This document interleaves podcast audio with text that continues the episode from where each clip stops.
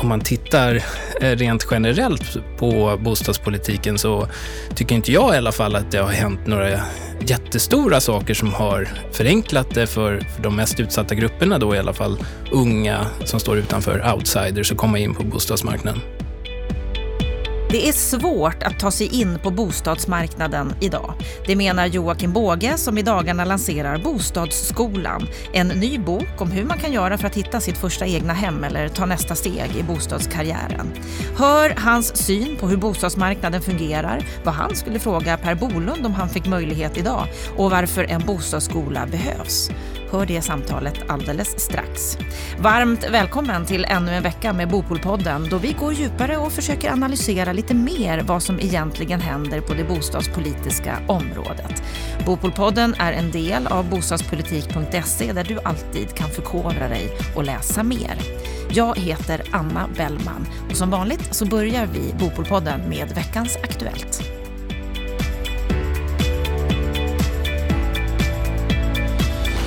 Veckans Aktuellt, vecka tre, Stefan Attefall. Mm. Du har varmt välkommen hit och till ett nytt år. Ja.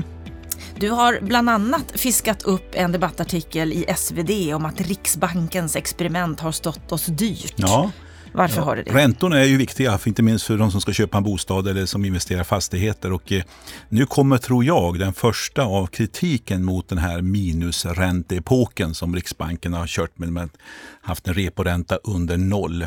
Och eh, det är alltså en docent som heter Fredrik N.G. Andersson och eh, professor, seniorprofessor Lars Jonung som är lite mer välkänd från Lunds universitet som kritiserar Riksbankens lågräntepolitik och på fyra punkter är de starkt kritiska. Och Två av dem är speciellt kopplade till fastighets och bostadsbranschen. De menar att Riksbankens lågräntepolitik har drivit upp fastighetsvärden, bostadspriser och därmed också drivit upp hushållens skuldsättning. Alltså precis det som Riksbanken själv eh, varnar för och, och, är orolig för.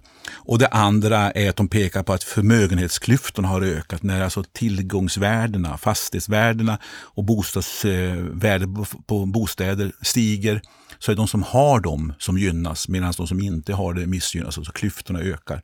Och jag tror att eh, de har mycket poäng i den här kritiken och jag tror att det här är första steget eller första tecknet på att det kommer att komma en diskussion om den här minusränteepoken. Vi vet att finansutskottet och riksdagen brukar också med kontinuitet då och då be utländska experter granska Riksbanken hur de har skött sig. Och som sagt var, låga räntor har drivit upp fastighetspriser, drivit upp bostadspriser och därmed också varit med och orsakat det som Riksbanken själv är rädd för, eh, skuldsättning hos hushållen. Eh, och jag tror att man har gått för långt i sin iver att jaga inflation, Det är min personliga åsikt. Men jag, jag tror framförallt, håll utkik på den här debatten. Den kommer att vara intressant och eh, det här är ju en av de viktigaste faktorerna för den som ska investera i fastigheter och köpa bostäder. Det är ju räntan faktiskt, hur den ska utvecklas. Och kan den här epoken, den här minusränteepoken, är den över nu? För nu är ja, vi på det är en noll. bra fråga. Nu är vi på noll och det finns ju inga tecken som tyder på att de kommer att gå ner under noll igen. Men samtidigt köper Riksbanken ganska mycket statsobligationer fortfarande, eller bostadsobligationer fortfarande, vilket ju gör att de, de, de är med och stimulerar ekonomin fortfarande ganska aktivt. Så att eh, Eh, samtidigt är inflationen är låg. Den är inte riktigt på 2 och, och, och de har ju inflationsmål som är det viktigaste. Samtidigt pågår också en politisk diskussion om hur ska målen se ut för Riksbanken och ny riksbankslagstiftning. Så att det är en ganska spännande och formativ tid Så du menar att det är viktigt att hålla koll på det här? Ja, jag tror själv att vi kommer att ha kvar låga räntor framöver. Men exakt hur det här kommer utforma sig, det blir spännande att se. Och framförallt debatten om den här tiden. Var det klokt att gå ner så här lågt med räntorna eller skulle man lägga på noll plus lite grann? Ja, eh, det är spännande Och det kan vi ju alltid diskutera. Den tiden är ju dock förbi. Inget, ja. Vad är viktigast framåt? Ja, det är ju framförallt att vi sköter svensk ekonomi och att det eh, ja, fungerar i det ekonomiska systemet så tror jag att vi kommer att ha låga räntor även i framtiden. Så att jag är inte orolig för att det blir kraftigt stigande räntor. Men lite högre än idag, det tror jag vi kommer få räkna med. En annan artikel som vi har läst under veckan, den handlade ju om dig Stefan. Ja, just det. det var i Expressen där vi kunde läsa rubriken Ex-ministern jobbar för bolag som gynnas av lag han drev igenom. Mm. Alltså det där är intressant därför att eh, om vi struntar nu kanske i min person så tar ju artikeln upp egentligen två eh, viktiga frågor. Det ena är att ha den här allbolagen som togs faktiskt före jag blev eh, bostadsminister. Den togs i riksdagen 2010 på våren. Eh, har den gynnat, ska vi säga, och ökat, drivit på hyresutvecklingen? I artikeln står det att du drev fram lagen 2011. Ja, men det är inte korrekt. Jag var inte statsråd då, men jag var i riksdagen så jag röstade igenom den. Så då jag är medskyldig kan man säga. I den meningen. Men jag har inte drivit igenom den. Men det som är det intressanta är ju att Allbolagen sa att eh, allmännyttans hyresledande roll inte längre skulle gälla utan nu skulle det vara de framförhandlande hyrorna mellan privata hyr, eh, fastighetsägare, kommunala bostadsbolag och eh, hyresgästföreningar som skulle vara normerande. Eh, jag satt med och ledde en hyreskommission faktiskt på uppdrag av Hyresgästföreningen. Och vi tog fram och tittade på 2006 till 2017, hur har hyrorna utvecklats? Vi såg att kostnaden för fastighetsägarna har ökat mycket, mycket snabbare än hyresutvecklingen. Men la man på hur räntorna har sjunkit under samma period, då blev alltså hyresutveckling i paritet med totala kostnadsutvecklingen. Alltså ingenting tyder på att allbolagen har drivit upp hyrorna. Eh, det är det första tycker jag vill säga. Det andra handlar ju om det här med renoveringar. Och där är de inne på ett spår som är mera ska säga, svårt. Och då kan man enkelt säga så här, fastighetsägare ska sköta om sina fastigheter. De som inte har gjort det, de kommer till en puckel där de måste göra stora insatser. Då finns det två strategier. Du tömmer huset och så ska folk flytta tillbaka efter renoveringen. Och få betala mycket högre hyra. Ja, och då blir folk rädda. Kan jag komma tillbaka till min bostad? Det där har man sett är besvärligt. Då väljer en del andra företag och Akelius var först ut med det här genomtänkta tänket att renovera enskilda lägenheter när de blir tomställda. Och då höjer man eh, standarden på lägenheten så mycket man kan så att man kan också lägga sig på en högre hyresnivå. Så då, man renoverar lägenhet för lägenhet och till precis. slut är hela huset färdigrenoverat. Ja. Och då kan man säga att gör man det i vettig omfattning, då kan det bara vara bra. För du får ju blandade standard i huset, du får blandad befolkning med olika plånböcker. Det kan vara positivt, inte minst i miljonprogramsområdena. Men driver du för långt så kan det innebära att du ger inget utrymme för människor med mindre plånböcker att bo kvar i områdena. Nej, för kritiken är ju just att människor ja. inte har råd att flytta tillbaka. Eller... Nej, men alltså, du måste ju sköta om dina fastigheter. Och när du Stämmer höjer den här standarden, kritiken? Är det ett alltså, växande problem där? Ja, men det är ett problem. Men det är en onyanserad kritik i den artikeln. Därför att det här är mycket mer komplext. För du måste sköta om fastigheterna, du måste renovera.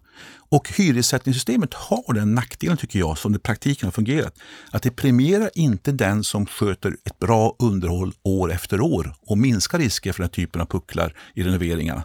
Men gynna just de som gör de här eh, snabba, eh, rejäla renoveringarna. Därför då får man upp bruksvärdet och kan få en högre hyra, därmed stigande intäkter till fastigheten, därmed stigande fastighetsvärden, därmed också ett ska säga... Miljonvinster som ja, då, det står då, och då i kan man, Säljer man då, då kan man dra hem en, en slant på det. Och det är det som är en stor del av kritiken i artikeln, att det är fastighetsbolagen, ja. inte hyresgästerna, ja, som egentligen tjänar på det här. Men om du är långsiktig ägare så är det här bara på en pappers produkt, det vill säga det stiger, värdena stiger, vinsten stiger, men det är inga riktiga pengar. Utan det är bara en balansräkning blir större i fastighetsbolagen. Så att jag tycker det här är en seriös fråga att, att diskutera.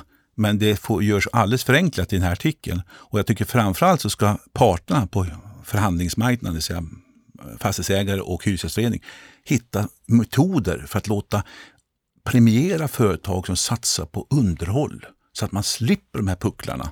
Och, För renoveringsbehoven, det är ett stort ja. område och ett och, stort behov idag. Ja, och det, det som är faran, eller säga, vi måste renovera lägenheter. Vi har många lägenheter som nu måste renoveras som kom från miljonprogramsområdena. Där fanns det många billiga lägenheter. När vi renoverar dem så blir det färre billiga lägenheter. Det är ett problem och det kan vi bara lösa med politiska metoder, bostadsbidrag och andra åtgärder. Det kommer man aldrig kunna lösa genom att sluta renovera, för då får vi slumområden.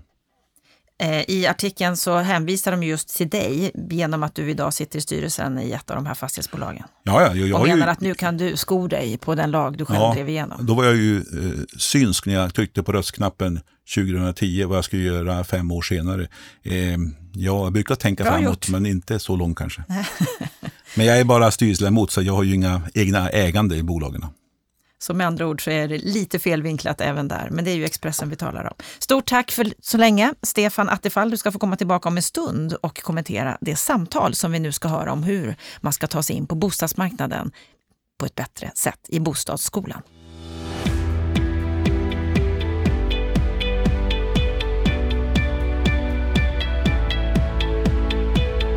Att vara en outsider, som ordet oftast används i film och tv, kan ju vara lite coolt. Man står utanför, går sin egen väg. Men på bostadsmarknaden är det faktiskt inte så kul att vara en outsider. Det är något som de flesta av oss har fått erfara. Att sova på en kompis soffa eller betala ockerhyra för en sunkig lya i andra eller tredje hand är faktiskt inte alls så coolt så börjar första delen i Bostadsskolan. En serie i nio delar om hur du hittar ditt första egna hem eller tar nästa steg i bostadskarriären. En serie som är skriven av Joakim Båge. Varmt välkommen till Bopolpodden Joakim. Tack så mycket. Bra uppläst. Vi kanske skulle haft dig som uppläsare. Exakt, ska du tänka om här ja, kanske? Ja, precis. För Bostadsskolan, det är en helt ny serie. Men innan vi börjar prata om den så vill jag höra, vad är din sinnesstämning idag? Jag mår eh, jättebra ser fram emot eh, lanseringen av boken. Mm. För när det här sänds, då har den lanserats, eller ska precis lanseras. Just det. Och den kommer att göra det på Storytel, Storytel mm. Original. Varför ja. då? Nej, men ljudböcker ju, det har ju svept som en våg över eh, Sverige eh, måste man säga. Jag tror jag läste någonstans att Storytel har över 400 000 prenumeranter nu. Det är ju liksom större än någon av dagstidningarna och sådär. Det är ju, det är ju en speciell upplevelse att få, få lyssna på en ljudbok som funkar för folk när de pendlar eller liksom sådär med mobilen och allting. Precis som det är att lyssna på poddar. Ja. Väldigt enkelt. Exakt. Och du Joakim, du är ju programledare och reporter. Du fokuserar på bostadsmarknaden och driver podden Kvadrat. Det stämmer, tillsammans med Petra Bergman. Mm. Och där har du bland annat intervjuat Per Bolund. Mm. Grattis till det, han är inte helt enkel att få tag på. Nej, vi jagar honom nu igen så vi får väl se. Exakt, det gör vi också. Vi får se om han, om han är tillgänglig för det. I det förra avsnittet så sa han bland annat att, eh, att han avser att föra en mer aktiv bostadspolitik Exakt. än tidigare bostadsministrar. Tycker du att han har lyckats med det? Ja, det är väl kanske inte min sak att avgöra, men det är ju framförallt en av de frågorna som vi skulle vilja ställa honom om han kom tillbaka till Kvadrat. För i alla fall om man tittar eh, rent generellt på bostadspolitiken så tycker inte jag i alla fall att det har hänt några jättestora saker som har förenklat det för, för de mest utsatta grupperna då i alla fall unga som står utanför outsiders och komma in på bostadsmarknaden. Ja, och nu är du aktuell med den här bostadsskolan. Berätta, vad är det för skola? Ja, nej men vi har ju som du nämnde eh, haft den här eh, bostadspodden Kvadrat då, som nu är inne på sin fjärde eh, säsong. Och vi har haft eh, en hel del gäster där och intressanta diskussioner. Men jag kände att det behövdes en fördjupning, eh, att det behövdes en bostadsskola för att Eh, var ska man börja om man letar bostad idag? Och hur vill man liksom få ett... Man, man, man måste utbilda sig själv. Det krävs ju helt enkelt, det läggs en hel del ansvar på individen eh, idag att lösa sin, sin bostadssituation. Så jag kände att det, det behövdes en bostadsskola helt enkelt. Mm, och du berättade för mig här innan att du har själv lite erfarenheter ifrån det här, att det inte bara idag som det är tufft att hitta en bostad. Ja, nej, men det här är någonting som jag verkligen brinner för, för att det är ju ett ett samhällsproblem kan man säga. Och ända sedan, jag är uppväxt i Stockholm och när jag skulle hitta min första bostad, det var ju liksom eh, lika svårt tycker jag som ungdomarna har idag, även om det då kanske var lättare. Nu har det ju liksom verkar det som nästan blivit ännu svårare. Och när jag pratade du vet, med mina föräldrar och deras kompisar så var det ju samma sak på deras tid, att folk kämpade och det var svartkontrakt och skenbyten och folk liksom försökte på alla möjliga sätt, eh, tvingades in i jäkligt jobbiga situationer bara för att lösa sitt boende helt enkelt, få tak över huvudet. Det här är en av våra stora samhällsutmaningar idag. Mm. Som det just nu inte verkar som att vi hittar så många lösningar på med, med tanke på det vi har. Och du tar ju upp många av de här sakerna ja. i boken. Vem är det du hoppas ska läsa eller lyssna på den här boken? I första hand så är det ju outsiders då, som jag säger. Eh, det är ju folk som inte har löst sitt egna boende. Eh, det kan vara så att de bor kvar hemma hos föräldrarna eller eh, att de bor i en tillfällig lägenhet någonstans. Eh, men det kan ju också vara folk som vill lösa sin bostadssituation, som sitter i dåligt förhållande. Det finns statistik som visar att det är många som stannar i ett dåligt förhållande alldeles för länge bara för att de inte ser något alternativ att lösa sitt boende på. Men sen så är det väl också föräldrar och andra som som funderar, hur ska de lösa det här? De kanske har barn som börjar närma sig vuxen ålder och bor hemma och, och helt enkelt tänker på hur kan vi hjälpa dem in på bostadsmarknaden. Och just det här med outsiders, hur stort är det problemet som du ser? Ja, alltså det är svårt att veta eh, exakt hur många det är som, eh, som behöver en eh, bostad. Men jag läste någonstans att, att eh, jag tror det var Sandro Scocco, ekonomen, som, som också har haft ansvar för den här eh, utredningen Bostad 2030, tror jag den heter, som sa att det behövdes 830 000 bostäder. Vi skulle i princip behöva ett nytt miljonprogram för att lösa bostadskrisen i då främst Sveriges tre storstadskommuner, eh, eller storstadsområden. Mm, det är en del. Det är en del. Mm. Du, boken den innehåller väldigt många tips på vad man kan göra själv mm. för att lyckas ta sig in på mm. bostadsmarknaden. Och något som vi ofta pratar om här i Bopolpodden, det är ju huruvida det är politikens, marknadens eller den enskildes egna ansvar att lyckas med det här. Mm. Vad tycker du? Nej, men det är väl alla tre, håller jag, håller jag på att säga. Men Mm, jag tror att det, det, är en ganska dålig strategi att förlita sig på att eh, politiken kommer lösa det här åt dem inom en, i alla fall en snar framtid. Om man just tittar tillbaka på det vi pratade om, att till och med på mina föräldrars, i mina föräldrars generation så var det här ett problem i Stockholm och i storstadsregionen att hitta en bostad. Och företagen drivs ju framförallt av vinstintresse och då går de ju dit det har varit lönsammast att, eh, att bygga. Och det har ju varit liksom en, gått mot lyxsegmentet eh, på senare år just därför att det har varit så dyrt också att bygga. Och då hamnar ju mer och mer ansvar på individens axlar, skulle jag vilja säga, att, att lösa det här på något sätt. Och en sak som du tar upp i boken, det är det här med att det inte finns några riktiga statliga subventioner eller hjälp mm. för folk att ta sig in. Mm.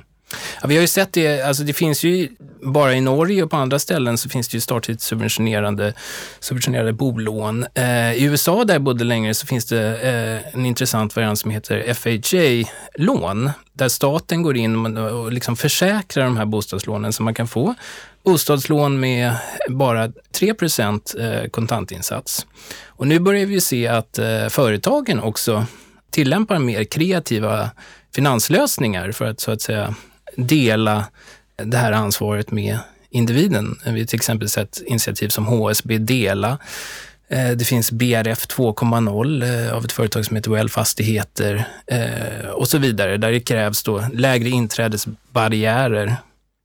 En sak som du tar upp i boken, det är bland annat ett avsnitt ifrån din podd där Lennart Weiss, som är vår expertkommentator här i Bopolpodden, och Anders Borg var med. Och båda två ser ju problem i framtiden när det gäller bostadsmarknaden, men de är inte överens om vad som är det mest allvarliga. Nej, det var ett intressant avsnitt att se och höra, för de, det var mycket debatt i ja, det programmet. Det blev väldigt omskrivet också. Ja. Det, liksom, det kokar ner hela debatten, tycker jag, till två viktiga saker. Lennart Weiss då pratar ju om äh, att det behövs att vi behöver bygga flera bostäder och eh, Anders Borg är ju då orolig för eh, hushållens skuldsättningsgrad. Mm. Och det verkar ju som att de inte riktigt kunde komma överens om vägen framåt här. Nej, och det är en sak som du ifrågasätter här i boken också, eller som du ställer frågan om. Vad är rätt balans? Ja. Hur hittar vi ett system där det byggs fler billiga bostäder och där unga släpps in på bostadsmarknaden samtidigt som vi behåller kreditrestriktionerna i så pass hög utsträckning att vi kan vara säkra på att undvika en finansiell kris? Ja. Hur ska vi hitta den här balansen? Alltså det är svårt för mig att svara på. Jag är inte en makroekonom, men många av de makroekonomerna och andra som vi har haft med i, i Kvadrat, då, i Bostadspodden, de eh, säger ju att Ja, det, det, finns ju, det är klart att det finns en risk för att hushållen skuldsätter sig, men att det skulle på något sätt utlösa en finanskris har de svårt att se. Och jag tänker ju så här, om det idag krävs 15 procents konstantinsats och sen så ska man dessutom amortera ett par procent om året, eh, till och med 3 procent i vissa fall. Då är det liksom 18 procent första året som man har liksom lagt in i kontantinsats, då, då har ju, måste ju marknaden sjunka med 18 procent, eller bostadens värde sjunka med 18 procent. Eh, och då är det plus minus noll så att säga. Så det måste ju till rejäla en rejäl bostadskrasch för att hushållen ska liksom hamna under vattnet i det här. Mm. Det är många också som kritiserar just det systemet vi har. Mm. Så vi får se om Per Bolund kan hålla i det eller om det kommer att bli någon förändring på det här området så småningom. En sak, du ger ju många tips på hur man kan göra för att dels förstå hur bostadsmarknaden fungerar Ja. och det här som exempel som du räknar hur man ska tänka med ekonomi och hur bankerna fungerar. Och, och sen ger du också rådet att ställ dig i kö för tusan. När det gäller till hyresrätten, att man ska söka studentbostäder. Att så fort man blir 18 ska man ställa sig i kö för det är inte helt omöjligt att få tag på en hyresrätt. Nej. Samtidigt så tar du också upp i, i boken vikten av att man kanske vill äga sitt boende. Mm. Och där ser vi ju en stor massa som faktiskt vill äga sitt boende och de flesta vill göra det. Mm. Ja, om vi backar bandet lite bara, just för det här som du säger, att det krävs en hel del idag. Eh, för att hitta ett boende så, så menar jag att eh, man måste verkligen ta sin bostadskarriär och sin bostadsjakt på allvar. Nästan lika mycket som ens liksom, professionella karriär. Eh, för det krävs idag i Sverige en hel del av individen. Eh, antingen då ska man ju, om man, först måste man ju bestämma sig för vad det är för sorts bostad som man ska inrikta sig på. Sen gäller det då att ta ett antal aktiva steg för att komma dit. Det är ju inte tyvärr så att eh, staten mejlar en ens förstahandskontrakt den dagen man fyller 18 år, utan du måste ju Eh, ställa dig i alla de här olika bostadsköerna som finns. Eh, dels den kommunala, men nu börjar det finnas lite privata alternativ också. Dels eh, från tjänster som HomeQ, men också hos de individuella fastighetsägarna. Men när det gäller just ägandet av bostad så ser vi ju i samhället i stort en trend där folk eh, går ifrån en modell där de nödvändigtvis vill äga saker och ting till en modell då man hyr då eller har access istället. Och jag tror att det var Ikeas eh, hållbarhetschef som jag citerar i den här boken också som säger att vi har nått peak stuff. Alltså vi har nått höjden av ägandet av grejer och saker och samla på saker och nu kommer vi liksom gå emot att leva lättare. Så det betyder alltså att vi kommer inte vilja äga vårt boende i samma utsträckning som vi vill idag? Ja, alltså jag tror att man ska se på det så här. Jag tror att för vissa så passar det med ett ägande. För mig till exempel, jag tycker att det är jättespännande med bostäder. Jag liksom älskar att renovera och, och se det som liksom eh, en, en, en aktiv form av, eh, av sparande, eller vad ska jag säga, bygga upp kapital. Men för andra så, eh, så kanske inte alls passar, utan de vill sköta sitt sparande och sin ekonomi på ett annat håll och så vill de bara ha tillgång till tjänsten boende. Det här är spännande, för det här är något som du tar upp en ganska stor del i den här bostadsskolan, nämligen delningsekonomi som vi är inne på nu lite grann. Exakt. Du tar upp Airbnb som ett exempel Ja. som ju har slagit stort i världen. Där vi inte kanske istället, vi, vi byter boende med varandra eller vi väljer att istället för att eh, köpa ett hotellrum så, så, så använder vi Airbnb istället. Men för våra fasta bostäder, Mm. där vi ju bor i princip hela tiden, skulle det här funka där? Alltså, det finns ju en del intressanta modeller, framförallt i USA då, som har kommit mycket längre på, eh, på den här sidan. Och bara för att nämna några exempel då, för det kanske är mera konkret att jag liksom går in på ett par exempel som jag tycker är intressanta. Så finns det ju då en, eh, en modell där eh, i princip att du har, om du tänker på en bil, en bil kan du leasa. Du kommer in och köper den fast du egentligen så, så väljer du eh, att lägga upp det som en leasing istället. Och det kan man se i, USA då, att det finns finansbolag. Du kan gå in och liksom bestämma dig för att eh, den där bostadsrätten, den där villan vill jag ha. Men istället för att jag går till banken och tar ett banklån på den, vilket då kräver att du ska ha en kontantinsats, så kan jag gå till ett sånt här eh, leasingbolag eller att bostadsutvecklaren eh, har ett sånt leasingbolag. Och så väljer jag att leasa eller hyrköpa den här istället. Då kanske jag inte behöver någon kontantinsats och så betalar jag en hyra till leasingbolaget istället. Och sen så efter två, tre år eller vilken, vilken tidslängd eh, man nu vill ha på det här kontraktet så kan man välja att antingen bara lämna tillbaka nycklarna till eh, leasingbolaget eller att, att köpa den här bostaden då om man har lyckats samla ihop tillräckligt mycket pengar och bestämt sig för att den här bostaden passar en under tiden. Så en annan form av hyra kan man ju säga. Ja, det kan man säga. Men sen så finns det ju helt andra modeller också. Det finns ju det här som kallas för eh, co-living, Eh, till exempel, som har kommit lite till Sverige, än så länge en nischprodukt. Om man tittar på eh, företag då som Ikea då till exempel, så har ju de börjat med prenumeration av möbler och eh, att man inte ska behöva köpa på sig alla de här grejerna. Och jag tror att definitivt att vi kommer se det på, på bostadssidan också. Mm. Och det här med co-living och co-working, det är ju en, en trend som har kommit de senaste åren. Co-working lite tidigare kanske, Ja. men inte jättestarkt i Sverige om man jämför Nej. med andra länder. Nej. Kommer co-living att slå här? Om du frågar mig, och vi hade ju med fastighetsägarnas Chief Digital Officer eh, Kristoffer Börjesson också i ett av de senaste avsnitten av Kvadrat. Och han tror ju att det här kommer vara en nischprodukt och han ser ju med, med framförallt företaget WeWork nu som ju har haft ett bakslag och sådär att det är ändå en, en, en, en nischprodukt för en liten del av marknaden. Men jag tror att det kommer finnas en uppsjö av finansiella ja, fintech, proptechbolag som kommer ha smarta lösningar för det här. Så att man helt enkelt för unga som inte vill äga och inte vill investera i fastigheter just, som man gör då, fast i liten skala om man köper sin bostad, att de istället då kan betala en form av hyra eller fast avgift och bara få tillgång till tjänsten boende istället. Mm. Spännande tankar. Vi ser det ju lite grann idag, en ny form av kollektiv. Exakt. Form. Mm. det som kallas för lyxkollektiv.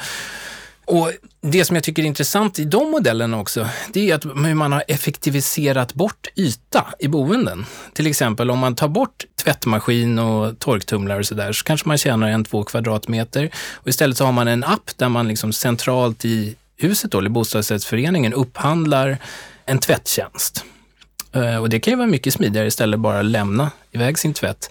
Tittar man på hur mycket en kvadratmeter kostar i Stockholm, 90 000 kanske, så är ju det rätt mycket i bostadens värde då som man kan spara. Och sen så finns det ju den här trenden med shared kitchen också, att man inte behöver laga så mycket mat själva. Då kanske man kan minska ytan på köket. Och då kommer vi snart till en, en ny modell där man har en mindre privat yta och man har ett antal digitala tjänster som sköter mycket av det som vitvaror och annat i lägenheten skötte tidigare. Och så har man en tillgång till större gemensamma ytor. Spännande tankar.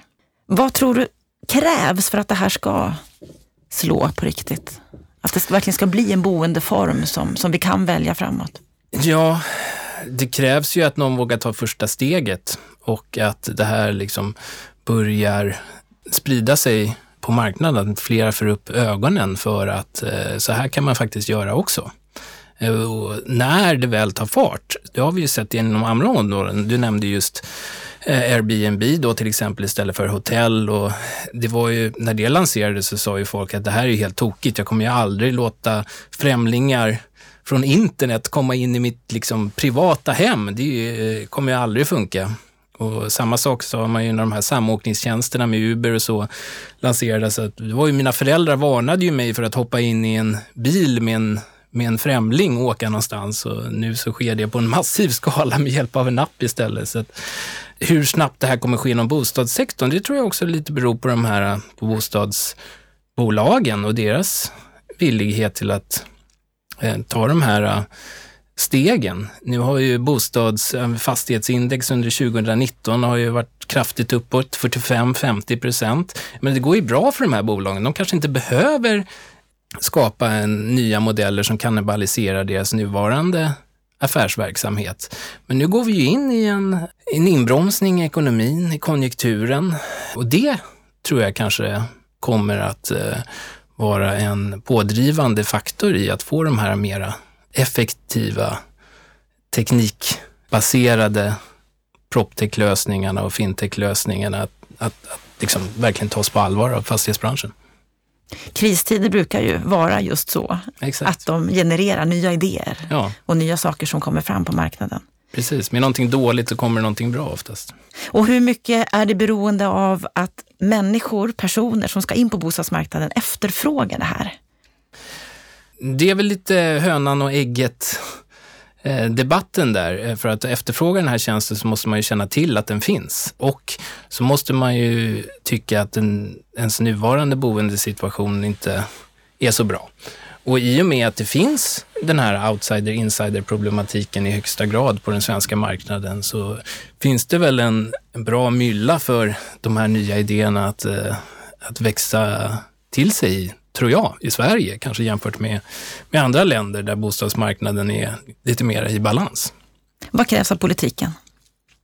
Det krävs ju att de är innovationsvänliga och att de har eh, sjukdomsinsikt, eller vad jag ska säga. Att det här har vi en marknad som inte är i balans, inte är fungerande. Och jag tror att vi har börjat se små liksom baby steps att de här co-living-företagen som ändå är en ny upplåtelseform på bostadsmarknaden, att de då tillåts. Och jag tror att vi faktiskt såg bostadsminister Per Bolund inviga en av de här nya co-living-lägenheterna i, Stockholm under året. Men det behövs ju krafttag. Det säger ju alla som jag tycker jag pratar med, eh, oavsett liksom deras synvinkel på det här, att det krävs liksom breda helhet, ett helhetsgrepp inom bostadspolitiken. Att man inte bara liksom duttar här och där, utan att man verkligen tar de här tuffa frågorna, tar tag i de här tuffa frågorna och vågar driva den. Mm, I slutet av boken så skriver du så här att för att lösa krisen på bostadsmarknaden behöver politiker, bostadsbyggare och banker samarbeta och bidra med lösningar på sina respektive områden. På så sätt kan vi skapa en marknad som lirar med samhällstrender och med den digitala tidsålder som vi befinner oss i. Det är stora frågor som troligtvis kommer att ta lång tid att lösa och som du som privatperson har svårt att påverka på kort sikt. Mm. Och det återigen, jag tycker, liksom om vi kommer tillbaka till det som vi började med i den här konversationen, så är det ju faktiskt, man kan inte bara peka finger och säga att det här är liksom politikernas fel, utan det krävs ju att alla gör sitt. Politiken, företagen och den enskilda individen också utbildar sig i vilka alternativ som det faktiskt finns. Och det hoppas jag att bostadsskolan ska bidra till att man kan göra och på ett lite med ett lite lättsammare språk och förhoppningsvis lite roliga anekdoter som folk kommer gilla att höra också. Men vad tror du, kommer bostadskrisen att, att lösas? Vad är din känsla? Ja, alltså, jag vill ju ta ett glaset i halvfullt attityd till det här. Och om man tittar tillbaka på liksom mina föräldrars generation och min generation och eh, nu mina barns situation, hur den kommer vara, så så måste jag ju absolut hoppas att vi löser det här. För annars så kommer det ju inte vara bra för, eh, för Sverige och hela vår samhällsstruktur. För jag menar, det börjar vi redan se att Stockholm, att det är fler folk som nu flyttar ut ifrån Stockholm än som flyttar in. Eh, och företagen finns ju här och det är ju liksom, de här städerna är ju tillväxtmotorer för, för eh, hela Sveriges ekonomi och bostadssektorn och byggsektorn har en stor påverkan på BNP och kan inte de här företagen hitta, eh, tillväxtföretagen, hitta tillräckligt bra arbetskraft för att fortsätta växa och vara internationellt konkurrenskraftiga på grund av att det inte går att hitta bostäder åt åt dem, då, då har vi ju verkligen ett, ett samhällsproblem som orsakar inte bara liksom den mänskliga faktorn av att man inte kan flytta dit man har fått ett jobb eller vill bo, men också den ekonomiska faktorn av att då kommer ju Sveriges ekonomi att, att sakta in och då är, det brukar vara det som folk lyssnar på, i alla fall politiker och företag. Mm, och som du säger, alla har sitt ansvar för att bidra till detta. Vad tycker du är det viktigaste vi som privatpersoner ska ta med oss ifrån den här boken i vårt sökande efter, efter svar här och hur vi kan bidra? Jag tycker att individen har ju ett ansvar och att det gäller att, att utbilda sig och ta reda på alla de möjligheter som faktiskt finns det är ju väldigt lätt att liksom bara säga, åh, jag läste i tidningen att det, man, man, det var ingen idé att ställa sig i bostadskö, så därför gör jag inte det. Utan, eh, jaha, men vad finns det för alternativ och börja ta aktiva steg mot att lösa sitt boende långsiktigt.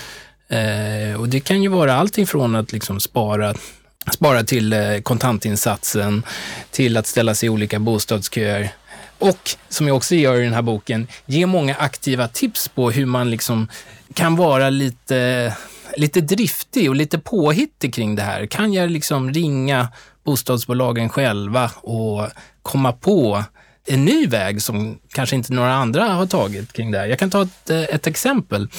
Jag, när jag kom tillbaka från USA så bodde vi i en andrahandslägenhet och eh, jag tittade ju på att köpa och sådär. Och eh, vi sprang på Djurgården och jag såg en bostad där som var jättefin vid vattnet som låg, eh, men som det inte verkade vara någon som bor i. Den låg liksom på, på markplan som man kunde se in. Eh, och sen så varje joggingrunda så störde jag mig på det där. Sex månader senare så bestämde jag mig för att liksom ringa på hos grannen och fråga, är den här bostaden ledig? Vad är det som pågår? Och hon sa, ja absolut den är ledig, jag vet inte vad som pågår. Eh, jag tog reda på att det är Statens fastighetsverk som äger den här. Jag ringde upp till hovet. Eh, det är ju då kungen som disponerar de här bostäderna på Djurgården. Fick tag på någon eh, hovmarskalk där som eh, som gav mig kontaktinformationen till någon på Statens fastighetsverk som förvaltade den här lägenheten. Ringde upp henne, mejlade och hade då liksom satt ihop ett litet eget CV om mig och sådär och varför jag var intresserad av den här bostaden. Därför det står också på Statens fastighetsverk att de eh, i vissa fall då kan tilldela bostäder till folk som är, de anser vara speciellt lämpliga för den och för dess historik och gjorde precis allting jag kunde för att göra mitt case för att få hyra den här bostaden. Eh, nu visar det sig att de ville fortsätta utreda vad de skulle använda den här bostaden till. Så det gick inte hem, men... Eh, men det är ändå ett exempel på hur man kan göra. På, precis, på hur man ändå kan, eh, genom att vara lite driftig och ta ett extra steg kanske eh, i sin bostadsjakt, ändå liksom lyckas och komma fram. Mm, alltså inte bara vänta på att det ska lösa sig eller att samhället gör det för mig. Ja, men precis. Förr eller senare så, ja, så är tajmingen rätt och, eh, och då funkar det. Du Joakim, när, när det här samtalet spelas in så har Bostadsskolan ännu inte släppts. Vad förväntar du dig? Jag förväntar mig, jag har ju redan märkt att det är väldigt mycket folk som har hört av oss sedan vi startade den här bostadspodden Kvadrat och känt igen sig och liksom sagt att vad bra, det är viktigt att ni tar upp den här frågan och, och har massa frågor om hur de ska lösa det här för sig själva eller för sina barn och så vidare. Och jag skulle bli jätteglad om den här boken ändå liksom ännu la på ett, ett, ett nytt vedträ i den här debatten kring hur vi ska lösa, eh, hur vi ska lösa bostadskrisen som vi har i Sverige. Och samtidigt att några individer då kanske genom att läsa den här boken och utbilda sig själva eh, lyckas gå från outsiders till insiders på bostadsmarknaden. Då hoppas jag verkligen att det kommer att gå bra och att den här boken kommer att bidra till att lösa just det, för det behövs i Sverige idag. Stort tack för att du gästade Bokpodden, Joakim Tack så mycket. Tack.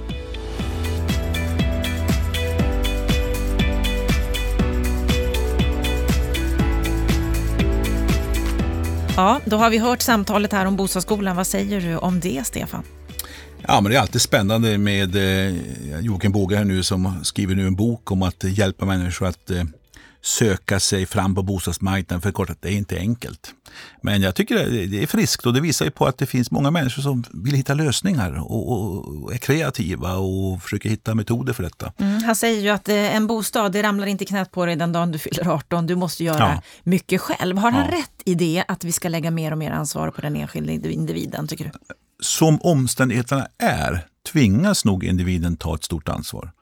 Och klart att man har alltid ett personligt ansvar för sin eget boende, men klart att det, jag tycker också att politiken har gjort det svårare, inte minst för unga människor. Man har, alla åtgärder som har vidtagits på senare år har ju höjt trösklarna för att komma in på bostadsmarknaden. Vi har långa köer till hyresrätterna, det är dyrt att bygga nya hyresrätter och vi har högre och högre trösklar för att få köpa en bostad. Som ofta är billiga i långa loppet i alla fall om du ska bo kvar på en ort. Vi pratade lite om det här med vem som är felet till ja. att det ser ut som det gör. Och eh, där håller jag med om att det är ju allas eh, säga, ansvar och eh, politiken har stort ansvar här och bristen på politiska eh, åtgärder för att hitta lösningar för att hjälpa unga in på bostadsmarknaden, första gång köpare, de som inte har kapital och kontakter.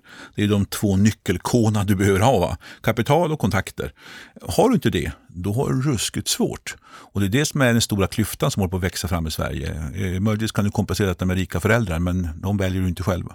Och här är han ju nytänkande. Han blickar västerut och tittar på vad är det som sker på det andra stora landet ja. på andra sidan i USA, bland annat då med leasing, hyrleasing, Vad tror du om att ta in de här helt nya greppen? Ja, alltså, jag tror att eh, han har rätt. Alltså, man ska först säga vad är trender som på, yt, på, så här, på marginalen är spännande. Där händer det jättemycket. Men vad, det, jag tror att det stora, det stora stocken av, av lägenheter och människor, de kommer vilja ha sin fasta bostad äga sin bostad om man ska bo länge på en plats. Lite flyktigare eller man av andra skäl vill hyra den. Men jag tror det kommer växa den här delen som vill just eh, lisa eller bara ha tillfälligt att ha rätt att kanske bo på något ställe men det kanske inte är exakt en, en visst rum. Eller eh, dela med andra eller hitta olika typer av lösningar där man bara har en liten eh, sovplats men har mycket annat gemensamt. Jag tror allt det kommer att växa. Både för att vi är mer mera flexibla människor, vi lever rörliga liv. Vi kanske inte har just kapital men vi har kanske en bra hyfsad inkomst just nu och, och behöver jobba på ett visst ställe.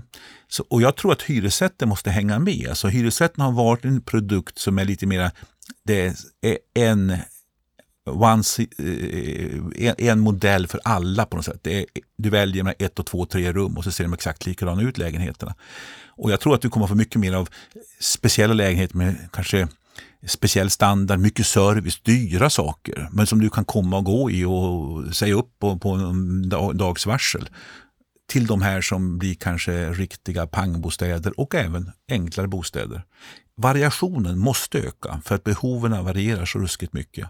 Och jag tror du kommer få se det i storstäderna framför allt, men också över hela landet. Så att fastighetsägare måste tänka, hur utformar jag produkten för att möta nya grupper? Mm, nya behov. Vad säger du om de råd som han ger, Joakim Båge, här i Bostadsskolan? Jo, jag tycker att det ligger mycket i detta och jag brukar själv säga så också att det första man ska göra är att börja spara. Du behöver alltid pengar. Även om du ska hyra en lägenhet så behöver du köpa möbler. Eh, börja spara tidigt för, för din bostad. Och eh, en bra mamma, pappa och farmor och morfar och allt vad det här kan hjälpa till med detta.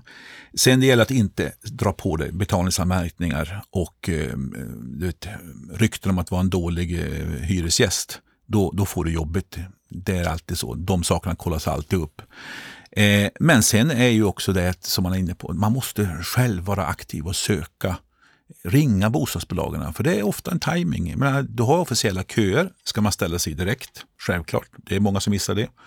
Eh, kommunala bostadsbolagen och liknande saker. Men sen har du också en aktivitet som krävs. Alltså ringa, för det är ofta timing. Ringer du på rätt tidpunkt och de behöver just, ja men nu har det öppnat ett läge. Då plötsligt kan det öppna sig en möjlighet. Så jag tycker var aktiv, ställ dig i kön, eh, sprid ut till alla bekanta att du söker eh, bostäder och eh, börja spara och sköt dig så att du inte drar på dig betalningsanmärkningar och eh, då kan det rykte. finnas. Då finns det en chans, men det är, på vissa orter i Sverige är det en ruskigt tuff resa. Men det är ofta lite lättare än vad folk tror också. Det finns mer möjligheter än vad folk tror. Mm, så det är inte helt nattsvart? Nej, inte helt nattsvart, men det är mörkt. Stort tack för den här veckan, Stefan Attefall.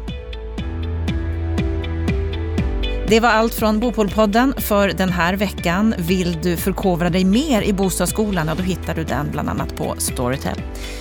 Är det så att du vill oss någonting här i Bopelpodden så då når du oss på podd bostadspolitik.se. Och med det så önskar jag dig en riktigt skön helg och en fin vecka tills vi ses igen.